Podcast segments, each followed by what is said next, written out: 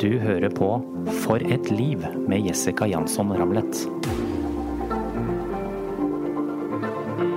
En podkast fra Moss Avis.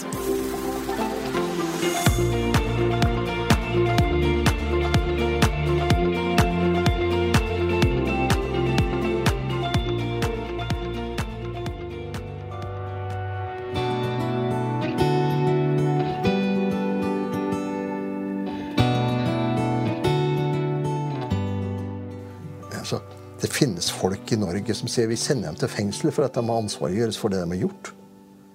Det, det, det finnes jo knapt en større misforståelse og, og, og bløff, egenbløff, egen bløff, i samfunnet. 50 år i kriminalomsorgen gjorde Arne Kvernvik Nilsen til fengselsdirektøren som ikke vil sette folk i fengsel.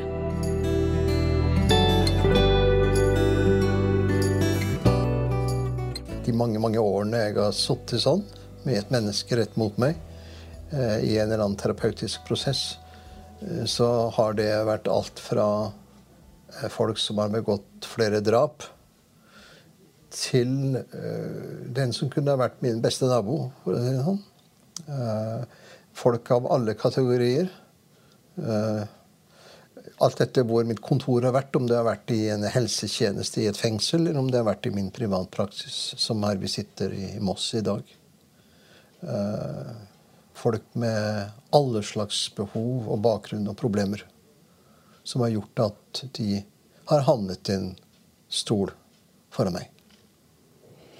Som du sier, vi sitter nå eh, Sier du, sa du i praksisen din, på kontoret ditt. Hva kaller du rommet for, Arne? her? Hva sier man? Nei, det kaller jeg det terapeutiske rommet.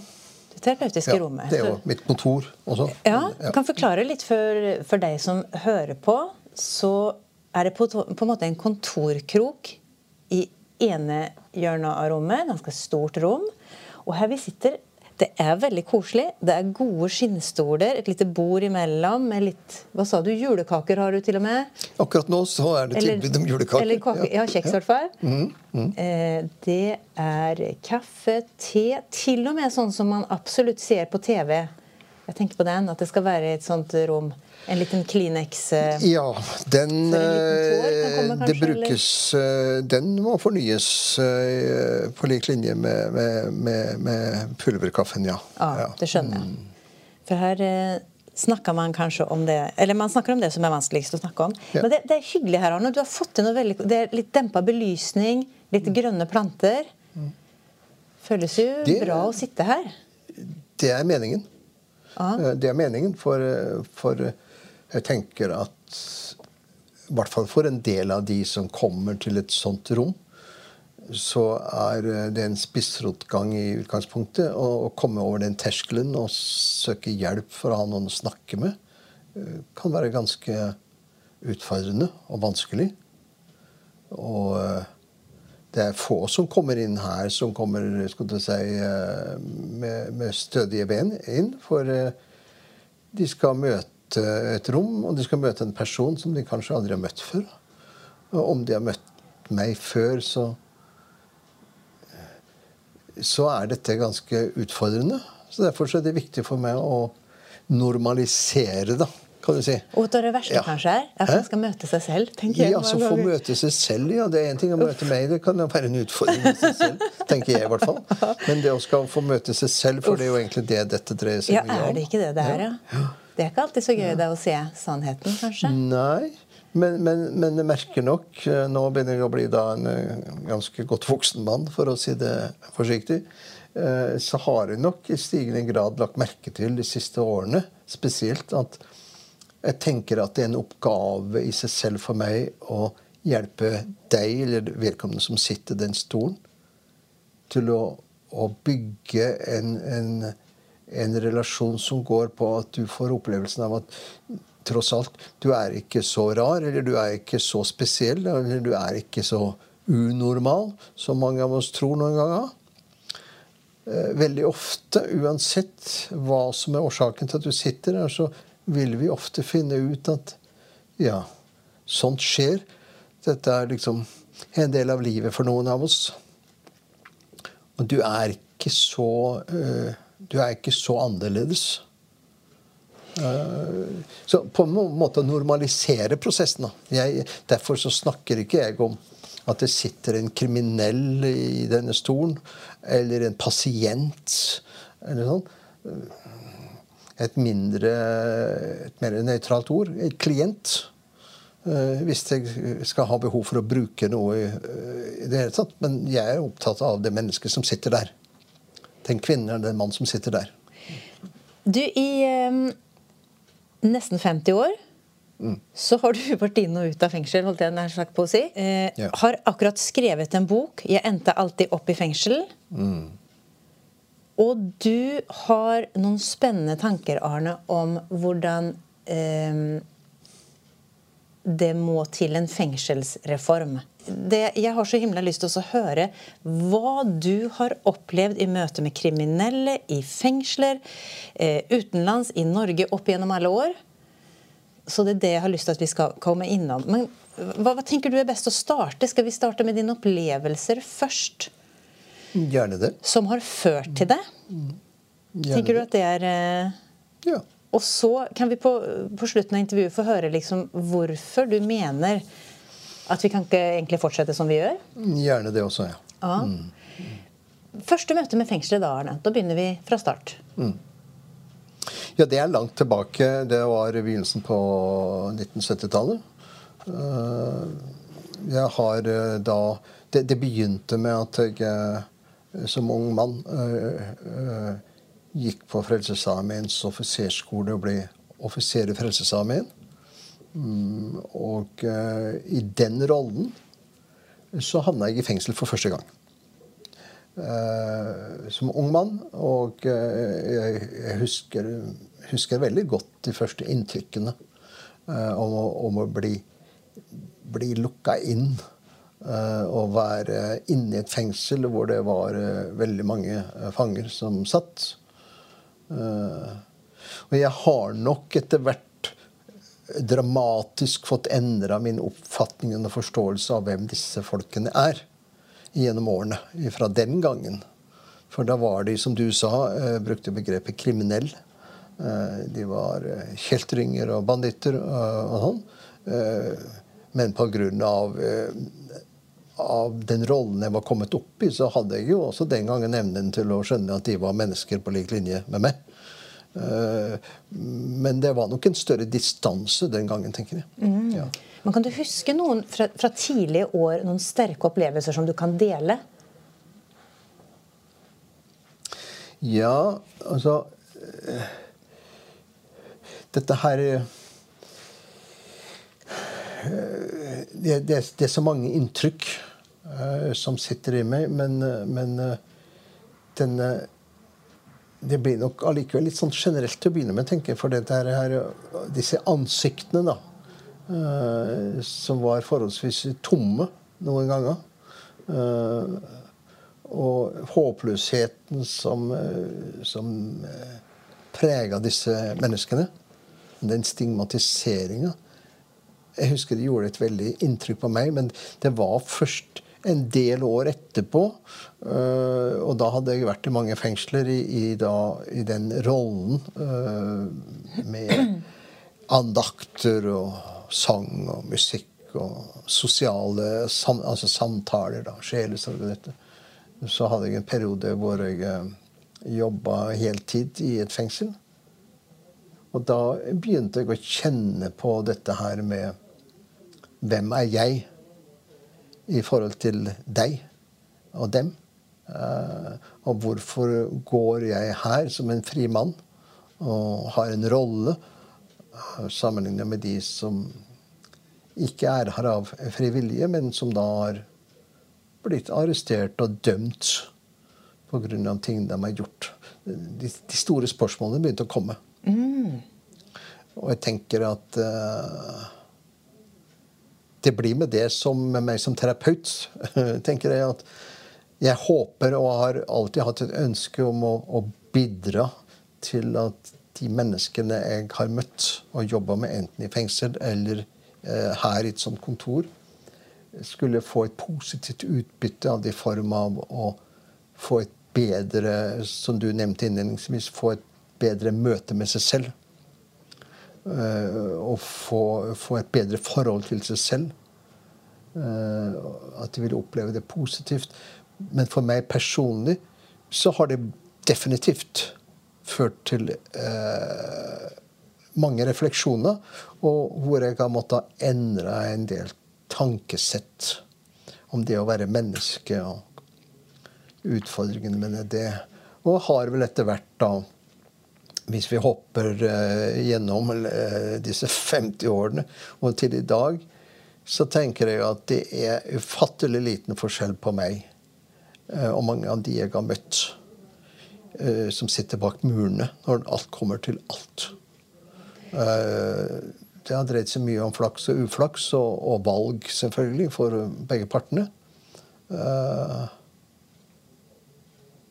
ja, det, det, har gjort at jeg har måttet hatt mange runder med meg selv.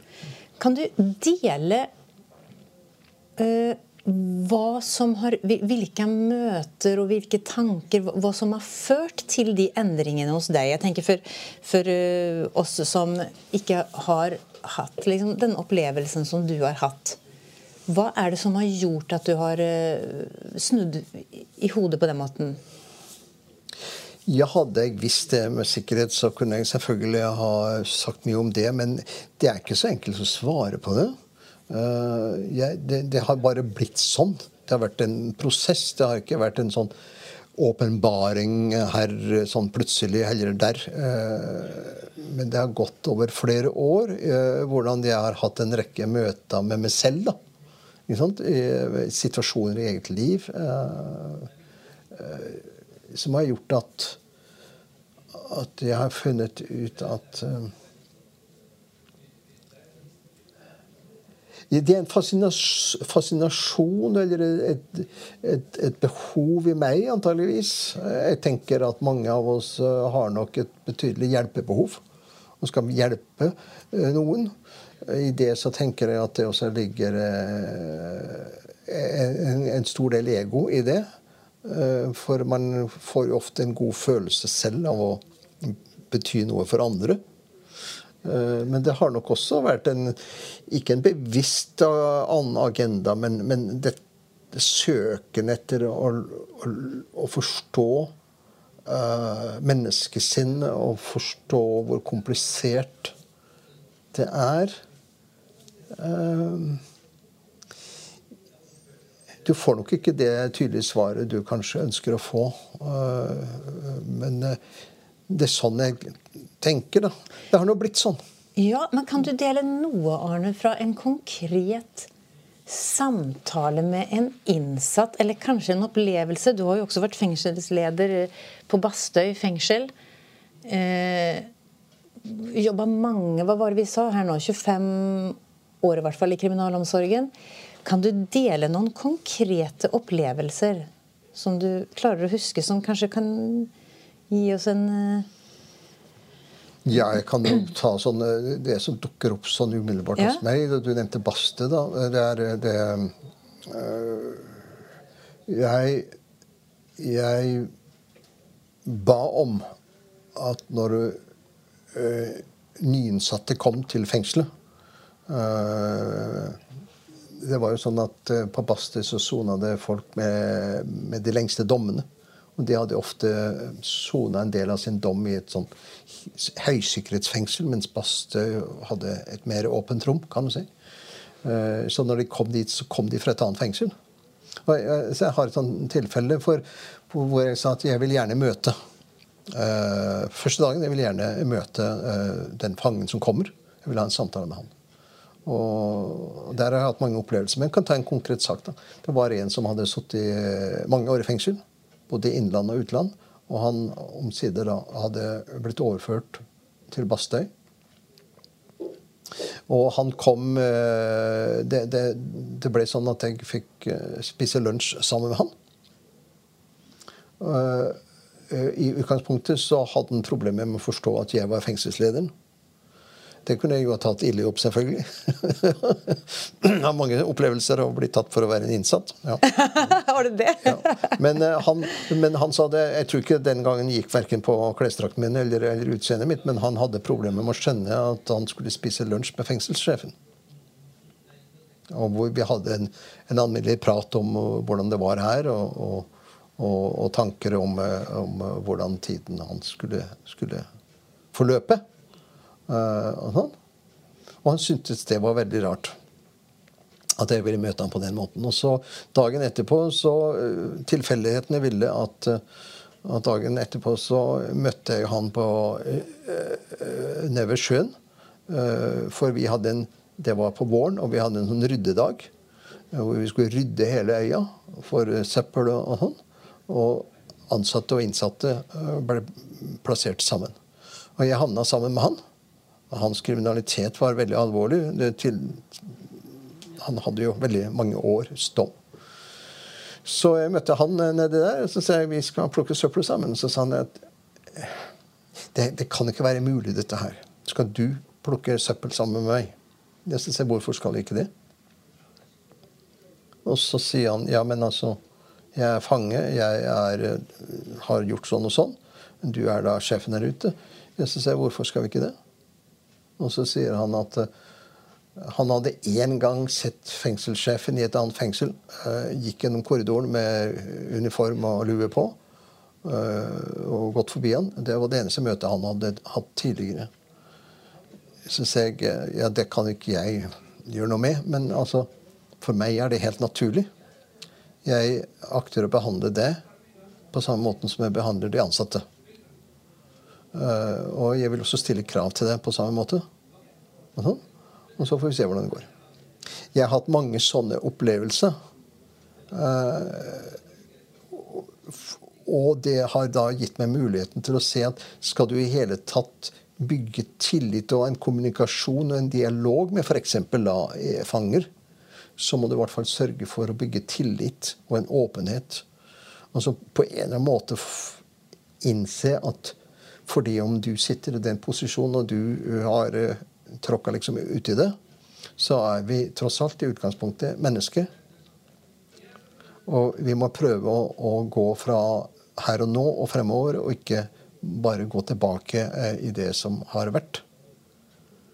Og det, uh, det illustrerer noe av den måten jeg har tenkt på, som kan føre til at det å sitte i fengsel kan for mange også bidra til at de får endre sitt eget verd, sin, sitt eget selvbilde og selvrespekt og selvstøtte med måten de blir møtt på. Så for meg, om det var en som hadde sittet i ti år i fengsel og hadde en dom på 18 øh, år, eller om det kommer noen hit eh, hos meg eh, som eh, som eh, aldri har vært i nærheten av å gå kriminelle handlinger, men har andre problemer i livet. Det, jeg gjør ingen forskjell. Og det betyr ingenting for meg. Mennesket er et menneske. Når du sier mm, at alle skal behandles likt, så tenker jeg jo at det kan være en vanskelig tanke når man vet at noen har gjort det verste man kan forestille seg. Jeg syns ofte virkeligheten overgår uh, fiksjon, uh, Arne. Ja. Hva, hva, kan du si om det i forhold til hvis jeg, Konkret, da. Barn og uh, Hvis en stor mann har gjort det verste mot et lite barn, det er jo den verste tanken mange kan ha. Absolutt. Hvordan, hvordan kan du da tenke at alle skal behandles likt? Jeg har også hatt foran meg eh, mennesker eh, som representerer noe av det du har i tanken, tenker jeg, akkurat nå. De er krevende. Eh, jeg tenker at det vil være helt umulig Eller jeg vil ikke kunne forvente av noen å sette seg i min stol hvis de var eh, direkte berørt av en sånn sak. Eh, for da tror jeg at det mennesket har et stort behov som overskygger alt annet, og det er hevn. Og straff. Full stopp. Men det jeg prøver å skrive om annet i boka, det er at uh, vi som samfunn vi må lære oss å innse at det er helt naturlig.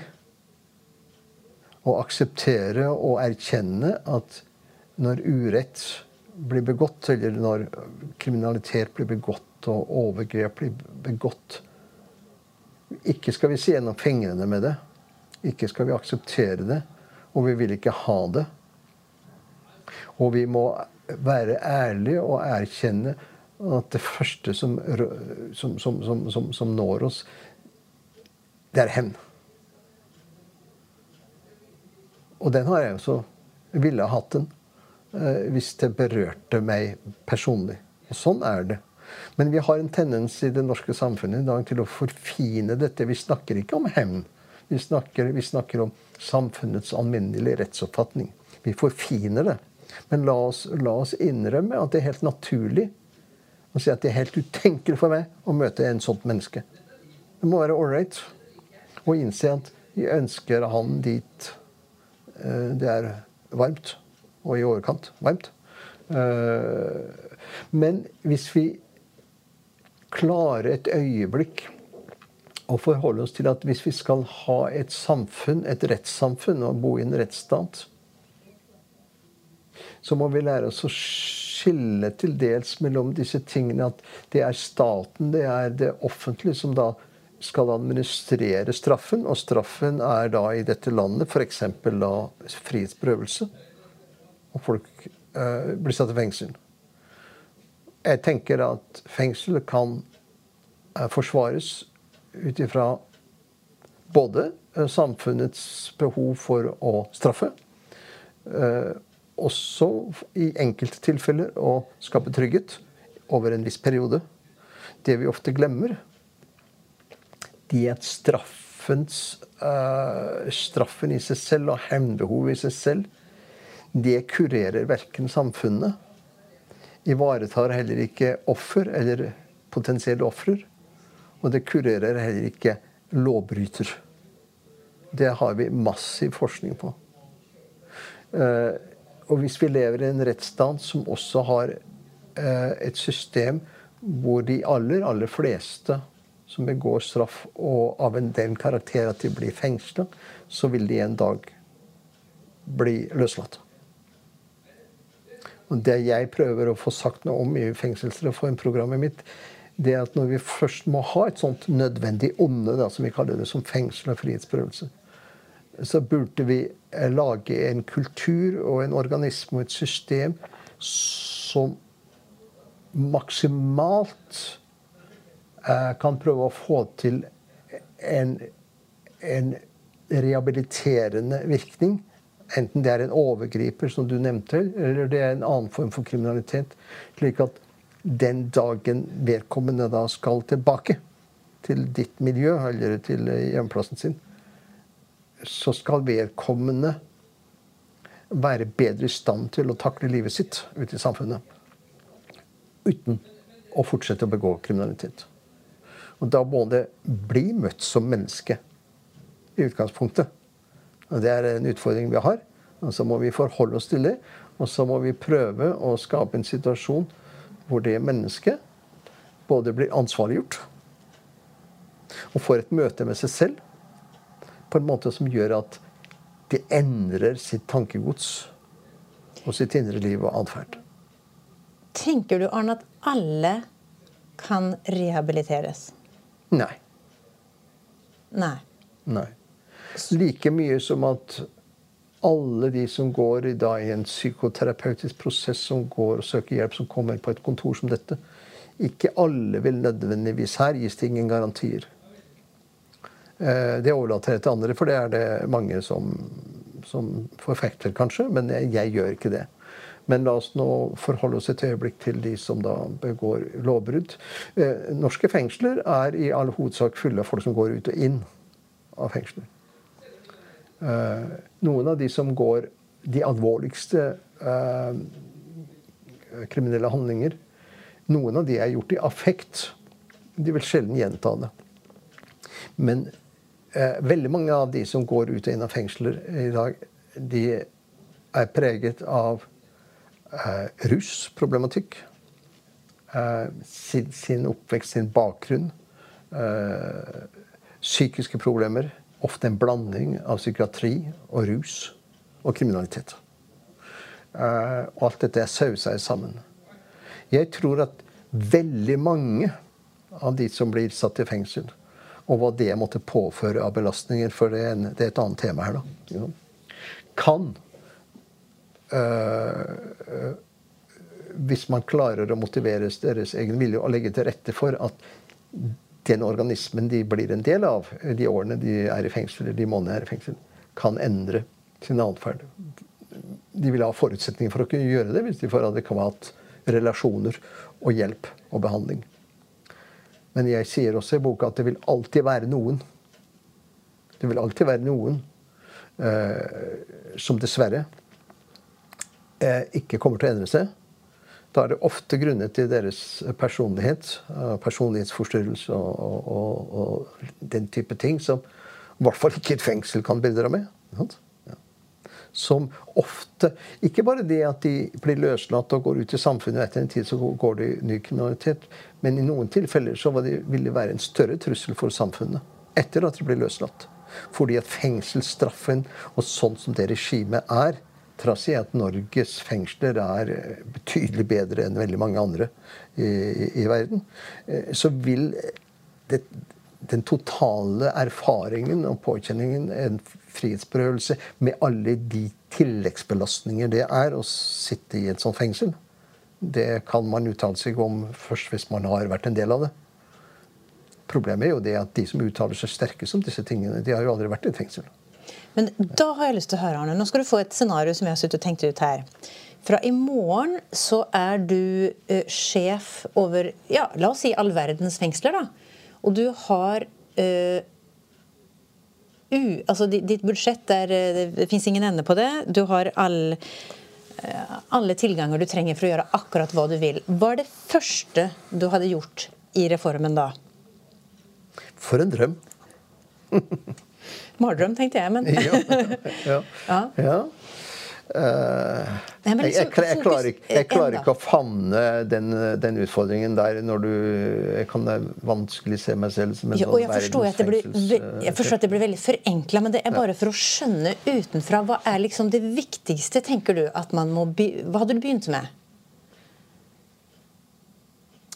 Jeg ville ha begynt med øh, å gi en god nok skolering av de som også utgjør en del av fengselet. Altså, eh, takk for at jeg får anledning til å si noe om dette. For et fengsel består av grovt sett av to deler. Det består av de som er kommet dit uten at de selv ønska det. Altså fanger. Og jeg bruker begrepet fanger. Eh, og så er det de som skal jobbe med disse fangene. Som har søkt seg dit. Til sammen så blir det en egen en organisme. Noe av det som jeg prøver å sette søkelyset på i, i dette reformforslaget, det er at det vil, et fengsel vil aldri kunne bli et normalt likt, en lik organisme som en hvilken som helst annen organisasjon. Om vi strever aldri så mye. Nettopp fordi at de to gruppene er så totalt forskjellig. For én skal passe på den andre. Den ene ønsker å være der, den andre ønsker ikke å være der. Men dog, i det lukka samfunnet så vil det være én organisme. Så jeg ville starta med det. Ut ifra at det viktigste, viktigste ressursen et fengsel har, er ikke først og fremst budsjettet, men det er noen de som jobber der. da, Enten de er mange nok eller ikke.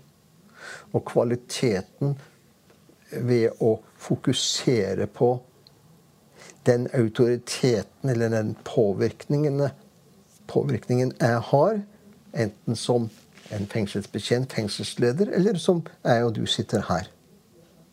Å bevisstgjøre hvor stor makt vi har ved å være en del av en større enhet enn bare oss selv. Bare bevisst på at bare ved å se deg i øynene når vi sitter her, så vet jeg at jeg har en positiv eller negativ innvirkning på deg. Eh, enten i form av tanker du måtte få, eller følelser. Positivt eller negativt. Så for meg så er det nesten ikke noen forskjell på å sitte her som terapeut i et sånn terapeutisk rom enn det å være en del av et fengselsmiljø. Jeg må skape et miljø som jeg kaller da et helbredende miljø. Det er det første jeg ville ha gjort. Så jeg ville ikke ha bygd fengselsmuren først og fremst. Jeg ville ha satsa alt på det vi, jeg skriver i boka, den dynamiske sikkerheten. Som består i å trygge deg, enten du er klient eller innsatt i et fengsel. Og hjelpe deg til å oppdage at det muligens fins ressurser i deg, og verdier og en livskvalitet og muligheter som gjør at du skal kunne gjennomgå en endring til å finne livet ditt meningsfullt på en annen måte enn å leve et destruktivt liv. Så straffende elementer for meg er ikke så veldig viktig. Det er det andre som tar seg av. For det, det er rettssystemet vårt i Norge. Det er påtale og domstol som avsier dette. Men når, de, når vi kommer til fengselet, så vil jeg gjøre alt på å skape et miljø eh, som spiller på menneskets egne ressurser. For det fins alltid ressurser og muligheter. Men du, hva er det som eh, skorter da, i, norsk, i norske fengsler i dag? Ja, det er ikke enkelt, sånn, enkelt spørsmål, det. altså. Eh, eh, dette fengselsreformforslaget som jeg og en god venn av meg har eh, utvikla og skrevet om i denne boka, det består jo av mange ting. Men hvis vi tar akkurat det du var inne på nå, da, at det første ja. du hadde gjort, er jo å eh, sørge for at de ansatte fikk opplæring mm. og skjønne, skjønne, hvor viktig de er. Mm. Det må jo ja, bety ja. at det er litt å jobbe med der i dag? Ja. Jeg tenker at det å være fengselsbetjent og fengselsansatt er en utrolig krevende jobb. For du, du, du, du, blir en del av et miljø som er så stigmatisert og er så spesielt. Eh, at eh, jeg tenker samfunnet Og jeg tenker vi har en god utdanning i Norge for fengselsbetjenter. Den burde bli, den burde bli enda bedre. Og de burde, de, de, deres verdi og deres posisjon burde løftes i samfunnet.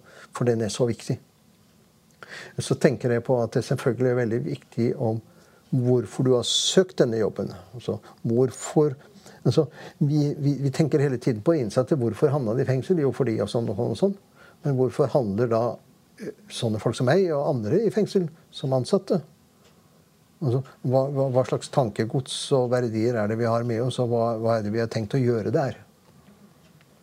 Skal vi være en del av det straffende elementet, eller skal vi være der for å skape en organisme eh, som eh, utvikler ansvar og respekt? To av de prinsippene i programmet det er å bygge respekt.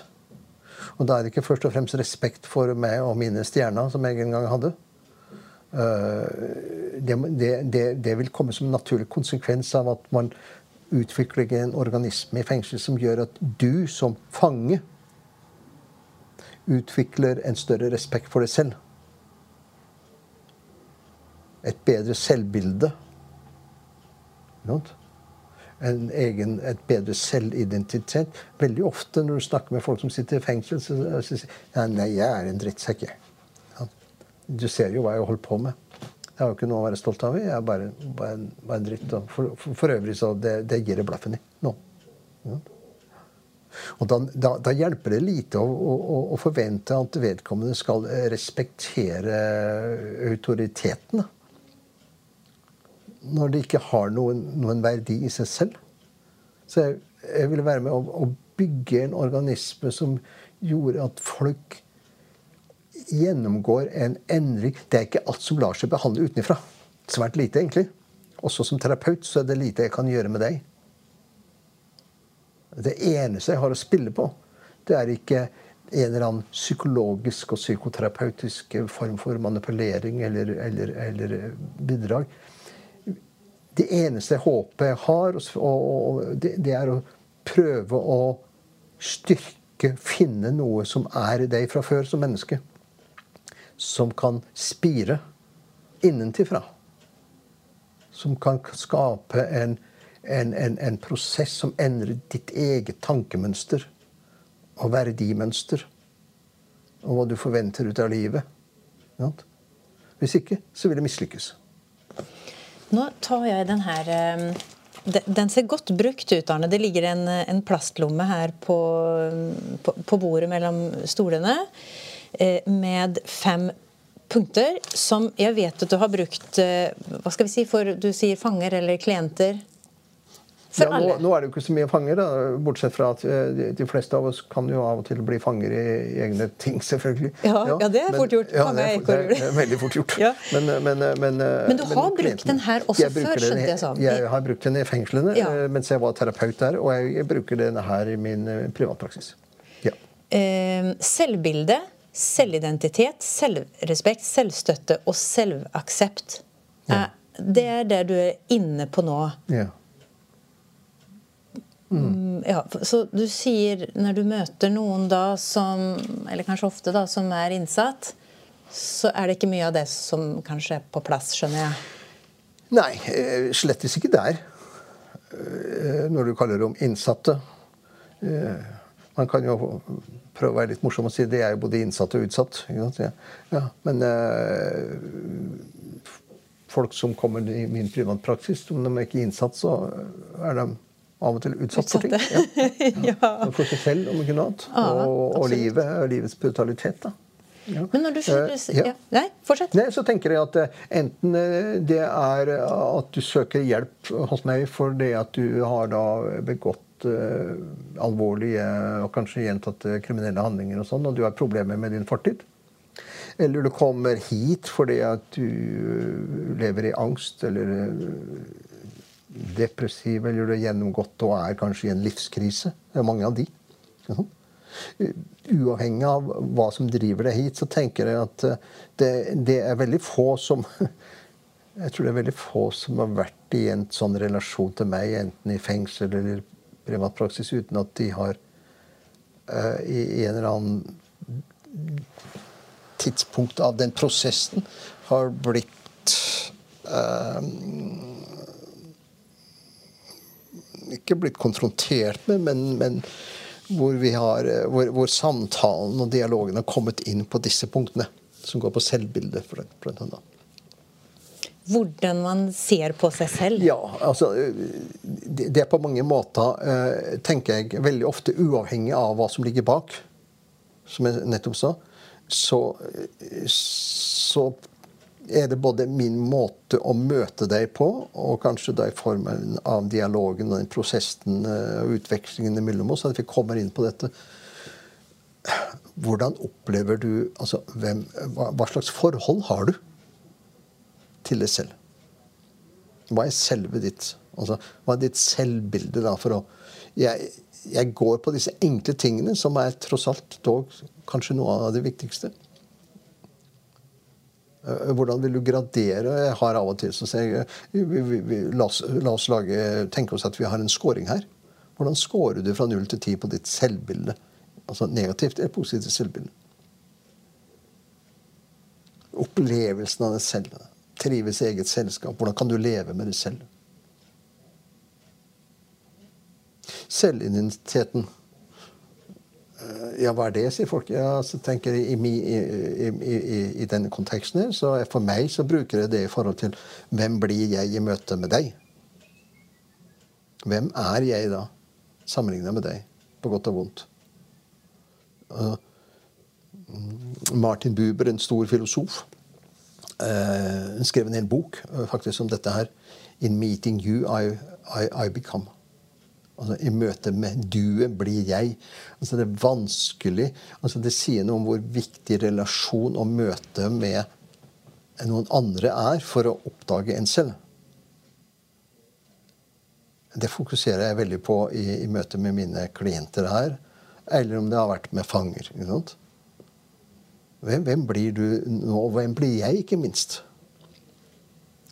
Altså, som fengselsleder eller terapeut så har jeg alltid tenkt Hva skjer med meg nå i møte med hun der eller han der? Blir jeg utilpass? Blir jeg rolig? Blir jeg deppa? Blir jeg glad? Blir jeg forvirra? Eller sånn. Og så, og så, og så, så kjenne på det. Hvem, hvem, altså, og, og hva, er det, hva, er det, som er annerledes med meg enn vedkommende som sitter der? Og, og det å score dårlig på selvrespekt er et dårlig utgangspunkt. da. Ja, for det var det du var innom og sa. Hvordan kan man respektere noen andre? Ja, altså spesielt da innenfor uh, dette alle disse årene med å jobbe med, med lovbrytere, eller hva man kaller dem.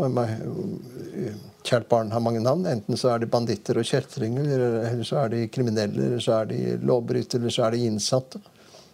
Eller så har de hatt uflaks, eller uh, uforbederlige. Hva, hva, skal vi kalle dem? Der, ikke, ikke, minst der tenker jeg det er veldig viktig å,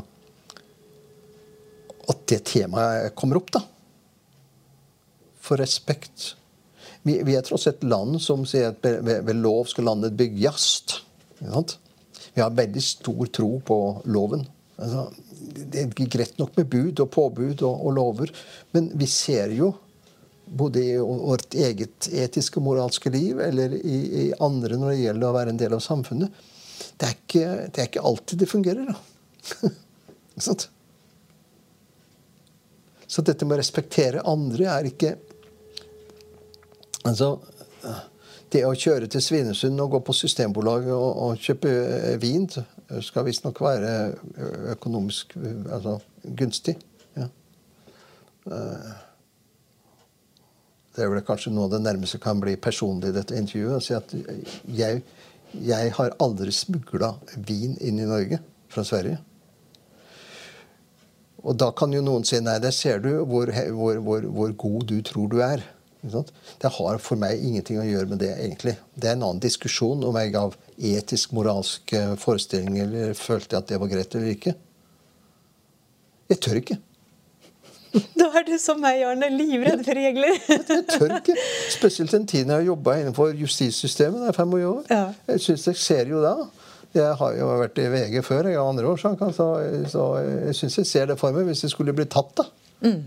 Så for meg så virker, så virker faktisk så har loven, og dette har respekt for loven og regler, har en viss virkning. da.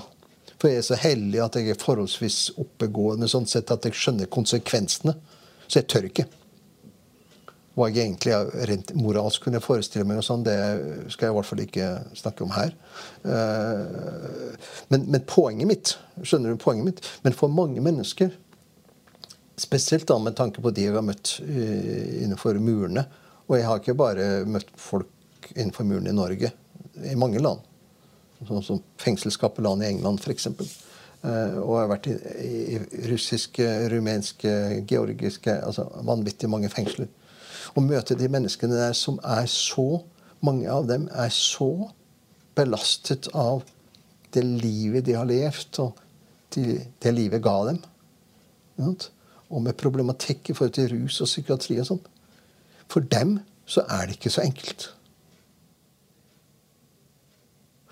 Og da tenker jeg at Det er et lite halmstrå her. og Det å prøve å jobbe med den på en måte som gjør at de kan begynne å se på respekten for seg sjøl.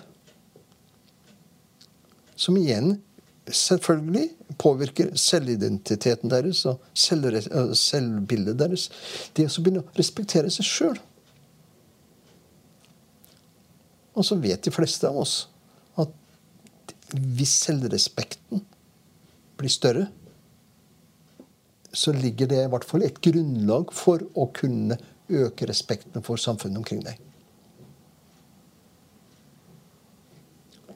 I tillegg så er jeg veldig opptatt av å prøve å støtte andre, uansett hvem det er, til å forstå at vi, det er ikke bare oss. Vi er ikke alene. Vi er en del av noe større. Så når Norge nå eh, bare prater i stedet for å bli alvorlig i forhold til klimakrisen og i forhold til hvordan vi behandler naturen, og hvordan vi bygger ned naturen, så glemmer vi at vi er naturen. Det er et kollektivt selvmord. Altså manglende respekt. Vi har ikke forstått vårt eget verd fordi at vi er bare en liten vi er en liten flis i noe som er større.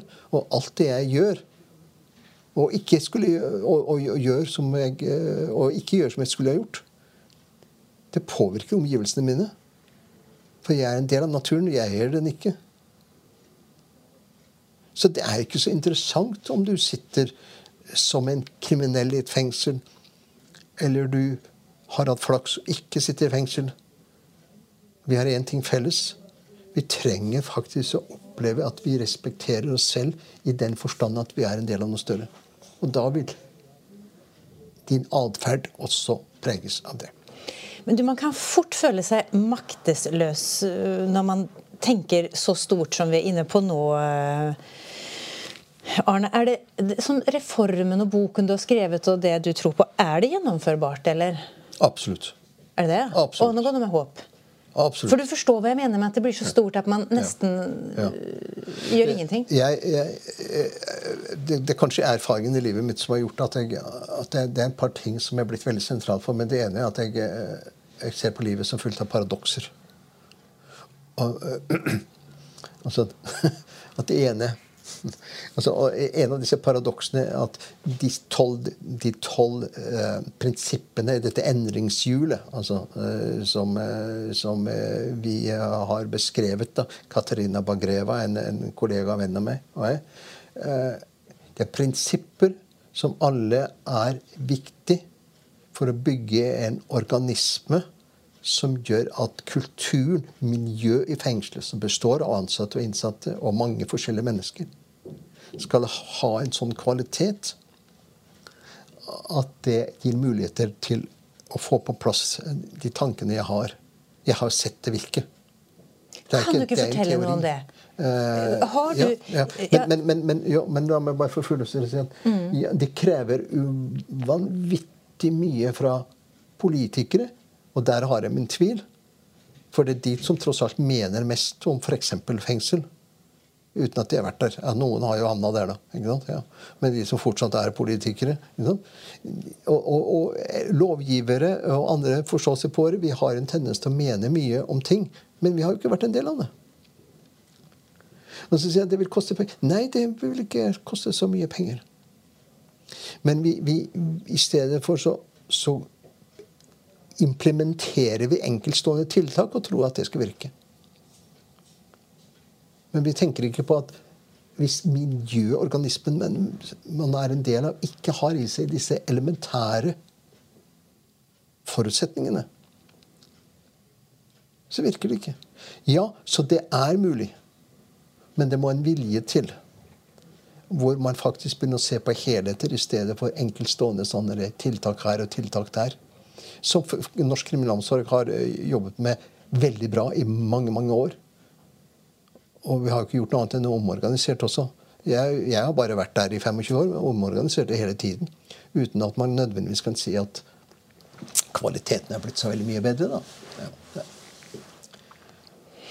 Eh, Men så stoppet du meg, og nå har jeg glemt at du stoppet. Ja, jeg har så lyst til å høre Du var inne liksom på en eh, Hva skal jeg si Du, du sa vel ikke gledelig historie, men hva, jeg husker ikke Ja, ordrett. ja.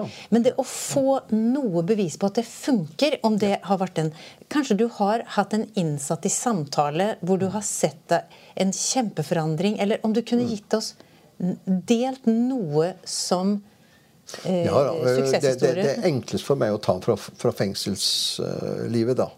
Eh. Jeg, jeg har også eksempler fra min privatpraksis hvor, hvor, hvor, Nei, men jeg tenkte hvor på påstår det. Men la oss ta Ja, fengselet. fengsel. Ja, la oss ta fengselet. Eh, eh, høyden, gleden i livet, for å si det sånn, av å være fengselsleder, f.eks. da. Også terapeut. Men fengselsleder er hvor du sitter liksom da på toppen av dette her eh, greiene.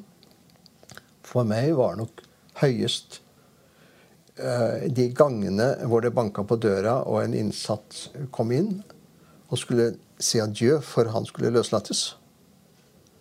Og forteller meg historier som går på at Vet du hva, Arne? Det har skjedd noe med meg.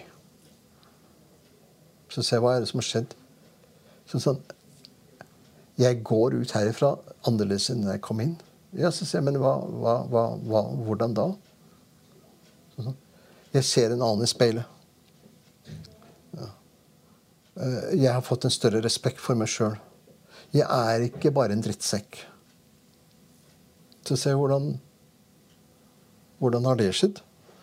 Så ser jeg at det, det er fordi at den måten jeg har blitt sett og møtt på av andre her.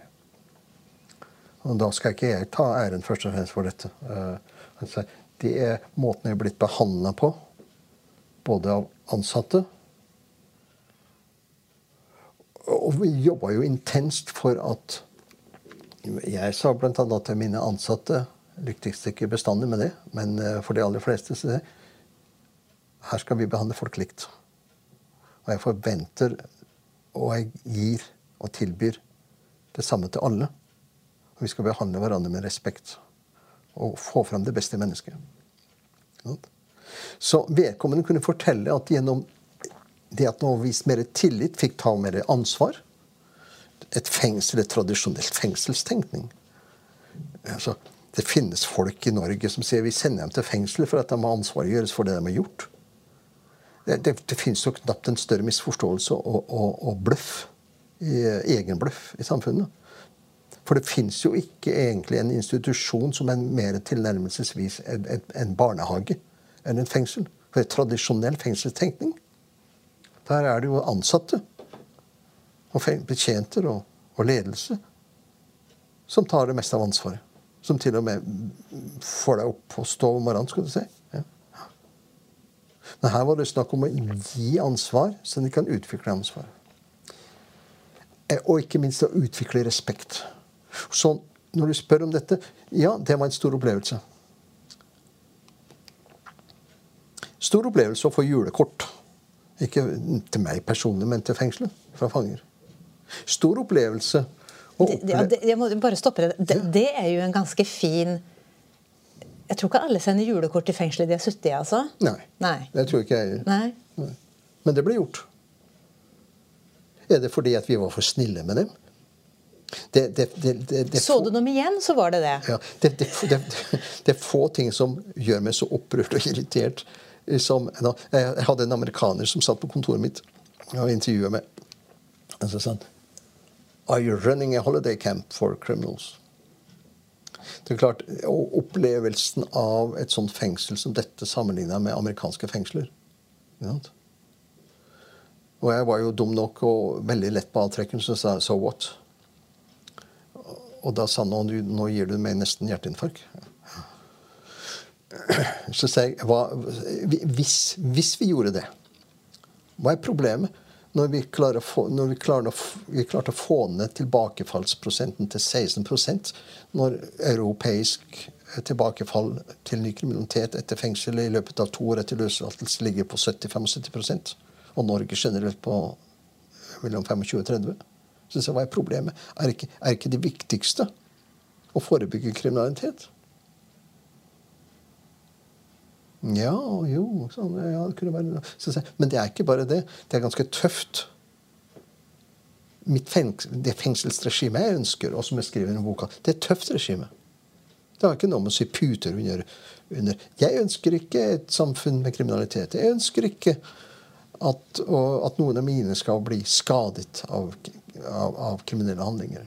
Jeg ønsker et trygt samfunn. Det er derfor dette programmet er beskrevet. Altså, vi må, vi må skape situasjoner som gjør at folk eh, har mulighet til å endre seg. Jeg har sagt ikke alle vil gjøre det, men svært mange svært, svært mange vil gjøre det. Kan jeg få lov til å ta en sånn historie til? Absolutt. Ja. Eh, jeg husker Vi hadde åpen dag i dette fengselet, uh, hvor, hvor, publikum fikk lov til å, å komme. Uh, og så plutselig så gjenkjenner jeg en person på den søndagen. Det var en meget godt voksen mann. Han hadde noen små barn med seg. Så gjenkjente den mannen, for han hadde jo sona der. Og så sier hei, hei, benytter du en sånn fin hverdag til å komme tilbake hit? Ja, gjør det. Og så sier jeg disse barn, ja, det er mine barnebarn. Så sier jeg, drar du barnebarna mine inn i et fengsel hvor bestefar har sittet? Ja. ja. Det gjør jeg, sånn, for jeg har, det skjedde så mye med meg, og jeg fortalte dem, jeg fortalte dem om hvordan det var å være her. Så jeg vil vise dem det. Hva er problemet med en sånn historie? Er det noe problem? Jo, for den som er sunket hen og ikke har evnen eller viljen til å se noe annet enn behovet for straff, så skjønner jeg at dette kan være problematisk. Da skjønner jeg at man heller skulle si nei, jeg ville aldri gå i nærheten av dette stedet, for det var et helvete på jord å være der. Da har vi oppnådd målet vårt. Tvilsomt. For de som opplever fengselet som et helvete, det er ofte de som kommer tilbake. Jeg tjenestegjorde i Georgia et år. Fengslene var helt forferdelige. Det, det egner seg verken muntlig eller på trykk. Ja. Jo, du må litt muntlig de, dele noe ja, av det verste du har sett. Ja, kan jeg, ta, jeg, kan referere til en historie i boka da, som, jeg, som jeg tok. Uh, hvor Knut Storberget, som da var justisminister, uh, kom på besøk, offisielt besøk til Georgia mens, mens jeg tjenestegjorde der. Uh, og jeg, jeg jobba jo under han noen år mens jeg var i, i departementet. Og vi skulle på fengselsbesøk, og vi tok han og delegasjonen med på et fengsel i Tiblisi, hovedstaden. Han har vært der før. Han har vært der etterpå. Vi ba dem åpne en celledør. Uh, I underkant av 30, 30, kvadratmeter. Der var det hva jeg har, har skrevet da, noen og 80, tror jeg, innsatte. I 40 varmegrader. De var ikke engang dømt de var eh, De satt i varetekt. Noen hadde venta på dom i to år. Det eneste de hadde på seg, var en eh, underbukse. En sånn uh, truse. Det var senger i tre høyder. De så på skift. De sto mesteparten av dagen. Det var et hull i ene hjørnet med et ullteppe hengt ned fra veggen, som var toalett. Daværende regime i Georgia mente For det var mye kriminalitet etter you know, oppløsningen av Sovjetunionen, og de skulle etablere seg som egen republikk, og kriminaliteten gikk til himmels. Vedkommende regime, president, som nå sitter i fengsel Tøff mot, tøff mot crime. Stor tro på at det er mer grusomt regime, og til mer vi kan straffe, til bedre virker det.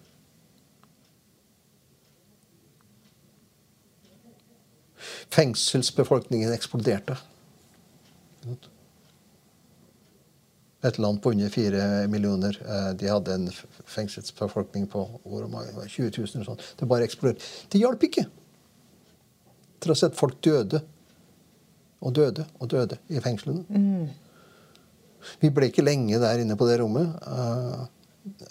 Å stå ansikt til ansikt, da, som jeg snakker om i dag, uh, med de menneskene. Med tomme ansikter og tomme øyne. Apatiske, halvpsykotiske, en del av dem. Slukt, eller hva slags begrep du kan bruke. Ville de bli søndagsskolebarn når de kom ut, de som overlevde? Tvilsomt.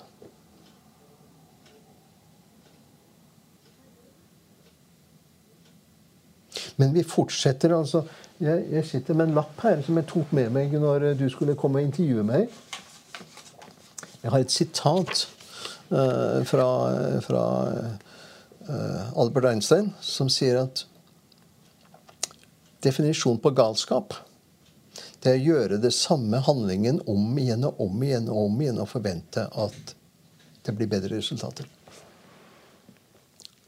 Klassiker det der, Arne. Mm. Vi har fengsla folk ifra Ja, hva skal vi si, da? Hele vår kjente historie. I en eller annen form. Vi har en av de beste fengselsregimer i verden, det er jeg helt sikker på. Allikevel så mener jeg at jeg har tatt på meg oppgaven å si varsku. Ja. At det er litt viktig at når vi først gjør dette her, så må vi prøve å skape et regime som gjør at det i hvert fall kan være forebyggende. Og stoppe Stoppe i den andre, altså stoppe tilbakefallet. Å stoppe kriminalitetsutviklingen i Norge, det hører til samfunnet å gjøre. Jeg kunne ha preka deg og meg i søvne over eh, hva som kan og burde ha blitt gjort i samfunnet for å redusere kriminalitetsutviklingen. Men det er et annet tema. Men vi, må, vi kan i hvert fall stoppe tilbakefallet. Og så kan vi bli litt mer menneskelige. Så det er stor forskjell på den historien jeg fortalte, om gladhistorien her, og, og redselshistoriene fra f.eks. Georgia. Da. Jeg, kan, jeg er full av sånne opplevelser. Men vi fortsetter nå bygger man ned Fengsels-Norge. altså man, eh, man, stenger mange av de mindre fengslene hvor det var større muligheter for å lage sånne miljøer. Man bygger nye, større fengsler. Man skjærer ned på bemanningen. Og skjærer ned på ressursene. Fokuserer mer og mer på rutiner, effektivitet. Få folk fengsla. Få dem sona. Slippe dem ut.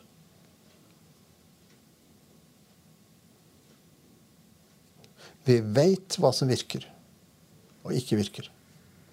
Men vi liker ikke det. Vi liker ikke å satse på den type ting. Er det ingen brått, Arne, som du syns fortjener en straff, altså i god gammeldags bemerkelse? Det var en av, en av, disse internasjonale journalistene som besøkte meg mens jeg var fengslet, som sa at Arne eh, Hvis en person hadde begått en alvorlig kriminalitet mot deg eller din familie eller dine folk, syns du det ville være straff nok for han å gå omkring ute på denne grønne øya?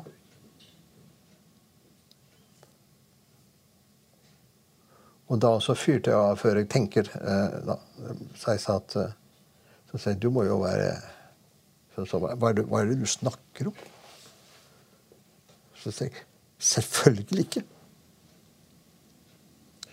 Antakeligvis var det jeg som hadde satt, vært satt i fengsel hvis jeg hadde hatt muligheten til å selv tatt loven i mine egne hender der og da.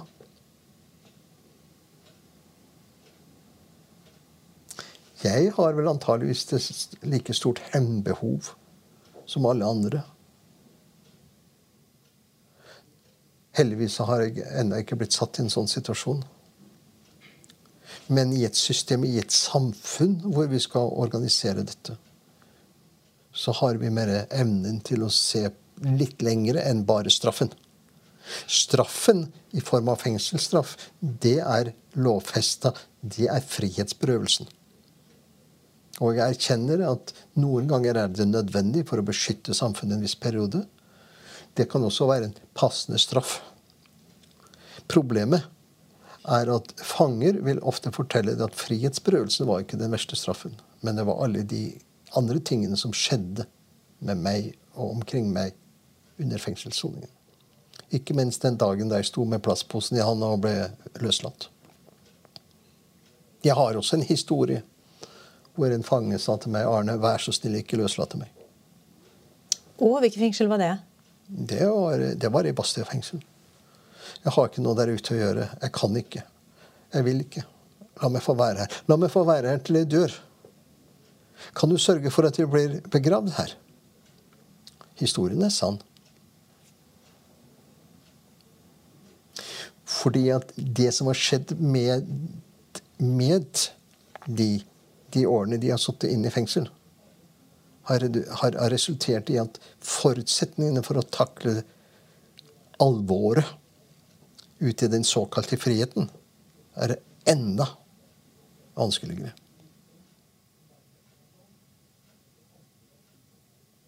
Men vi fortsetter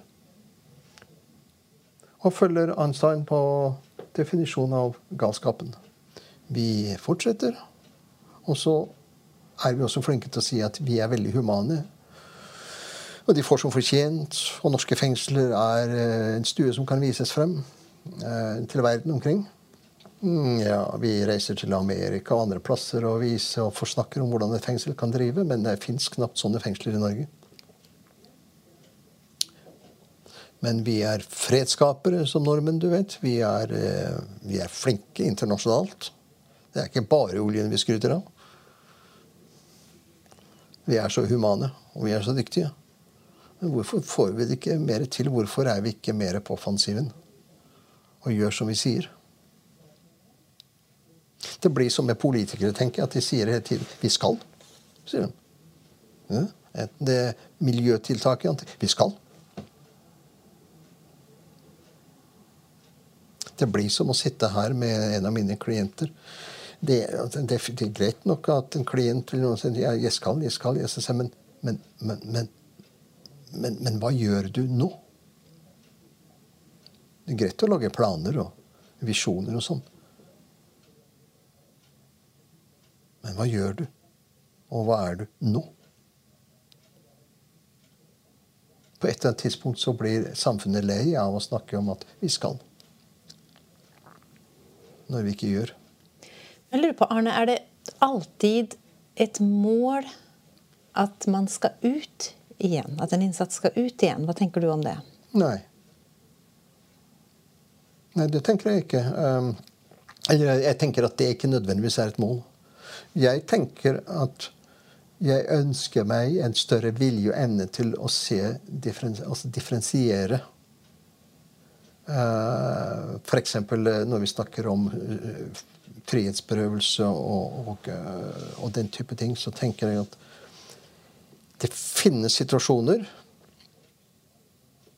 Og det er bygd på at det finnes mennesker Kanskje i dag Jeg er ikke oppdatert, det, det er bare la, la, oss bruke som eksempel. Som kanskje sitter da eh, låst inne.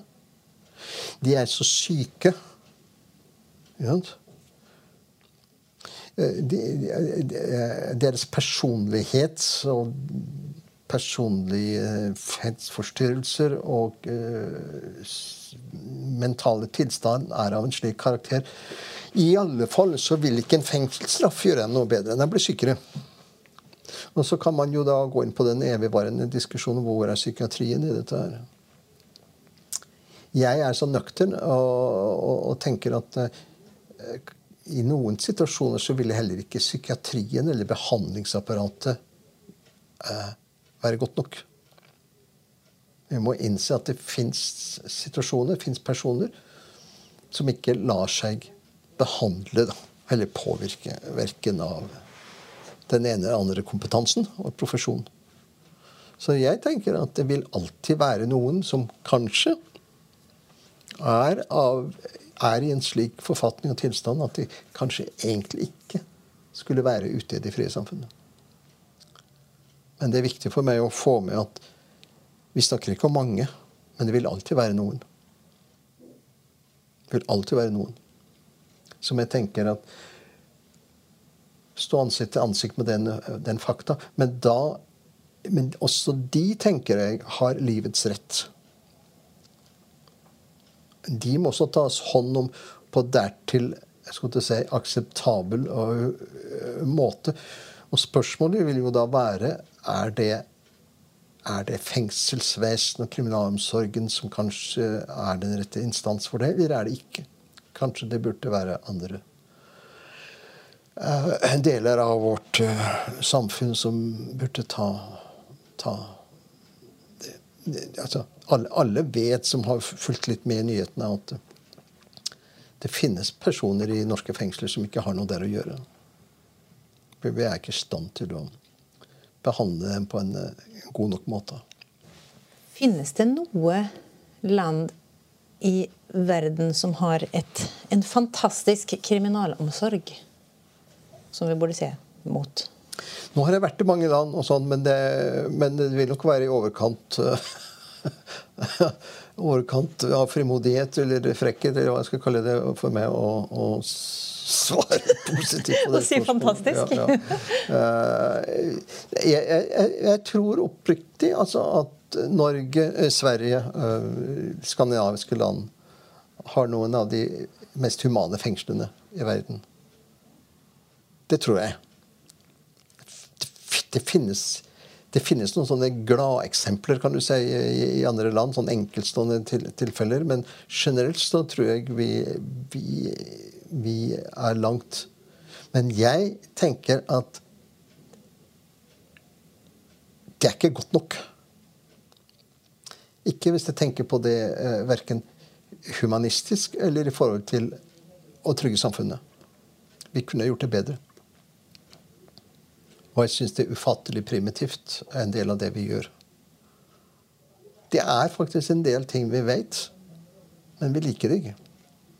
Vi liker ikke svaret. Det passer liksom ikke inn.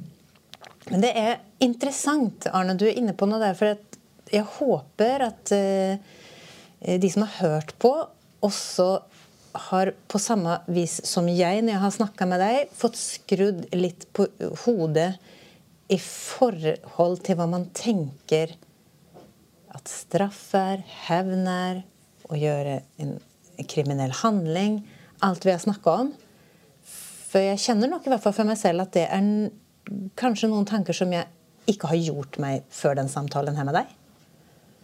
Da har dette intervjuet i hvert fall hatt en liten uh, positiv virkning, da. Ja. For, for, jeg må jo si, når du sier at du tror det, og at kanskje Eller håper, håper at noen som hører dette, kan begynne å reflektere litt. Jeg må ærlig innrømme at Og det er, det er noe jeg sliter med, for det er ikke bra å ha det sånn. Troen svikter meg. Men jeg håper fortsatt. Mm. Mm. Jeg har, jeg har, ikke så stor tro på at det har noen virkning, eh, det jeg uh, sier og det jeg skriver. Dessverre. Det er vondt. Mm. Men man kan jo håpe.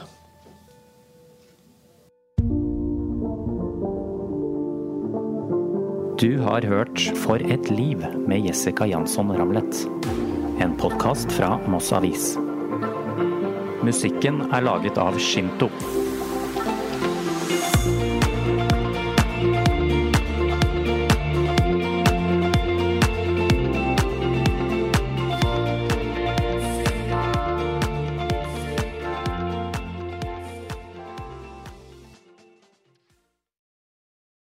Har du et enkeltpersonforetak eller en liten bedrift? Da er du sikkert lei av å høre meg snakke om hvor enkelt det er med kvitteringer og bilag i fiken, så vi eh, gir oss her, vi. Fordi vi liker enkelt. Fiken superenkelt regnskap.